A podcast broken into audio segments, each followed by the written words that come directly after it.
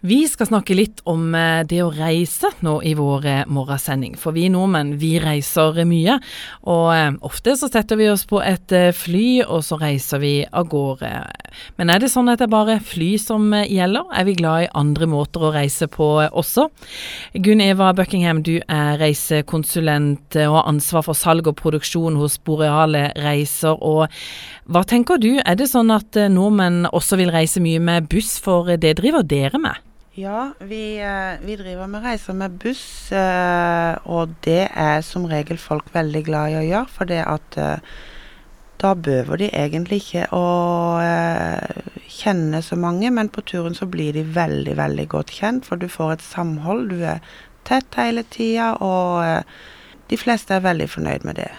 Men er det sånn at eh, kanskje det sosiale er noe av det folk eh, trekker fram som veldig positivt når man velger bussreise?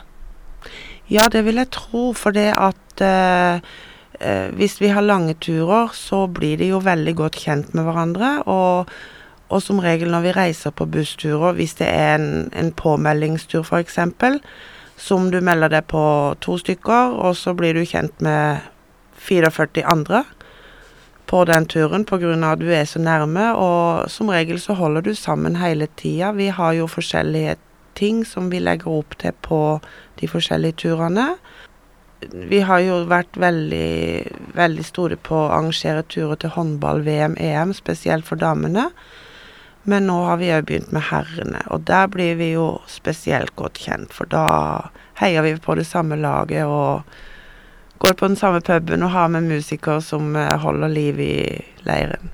Ja, for Er det sånn at eh, typisk eh, sportsreiser, det er populært? Veldig populært med håndball. Det er det. Vi har ikke problemer med å fylle de bussene, for å si det sånn, når vi legger ut turer til håndballturer. Så det er veldig selger seg sjøl. Er det sånn at det er spesielle reisemål som er populære? Du nevnte dette med å eh, reise til eller følge håndballjentene, det er populært. Men er det andre mål som er populære? Vi, vi, vi, Stort sett så er det Danmark-Sverige. For det at hvis folk skal lenger nedover i Europa, så tar de heller fly. Og det skjønner jeg òg. Men Danmark og Sverige er vi veldig store på, og vi lager mange turer til de landene. Du, Er det sånn at eh, det er alle på en måte aldersgrupper som eh, reiser eh, på busstur? Stort sett så er det eldre folk som reiser på busstur. Men når vi er på håndballturer og sånn sportsarrangement, da er det unge folk òg. Da eh, kan vi være fra 18 til 72 i bussen i aldersforskjellen fra 18 år til 72 år, og alle har det like gøy sammen. De er i ett, liksom. Så eh, selv om man reiser med, med buss, så er det mye opplevelser allikevel? Allikevel kan du oppleve mye, og du får jo se mye mer fra et bussvindu enn fra f.eks. et flyvindu.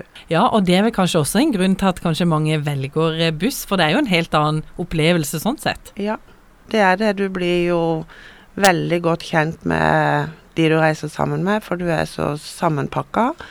Og eh, Norge med buss, f.eks.? Ja, Norge med buss. Vi, kan, vi, kan, vi har hatt turer som kjører til Nord-Norge. Du kan ta busstur og kjøre buss den ene veien med overnatting oppover hele veien, og så tar du Hurtigruta ned. Så ordner vi alle det. Men uh, Hurtigruta, det var sånn, da tenkte man jo før på at det var liksom de som har gått av med pensjon, som, som tok denne turen. Uh, er det litt feil bilde? Det er litt feil bilde, altså. For Hurtigruta er en opplevelse for alle aldersgrupper. Uh, og jeg har vært med Hurtigruta, bare tatt turen fra Bergen til Trondheim. Men det var kjempegøy. Og maten på Hurtigruta, den kan ikke sammenlignes med noe. Det er helt fantastisk.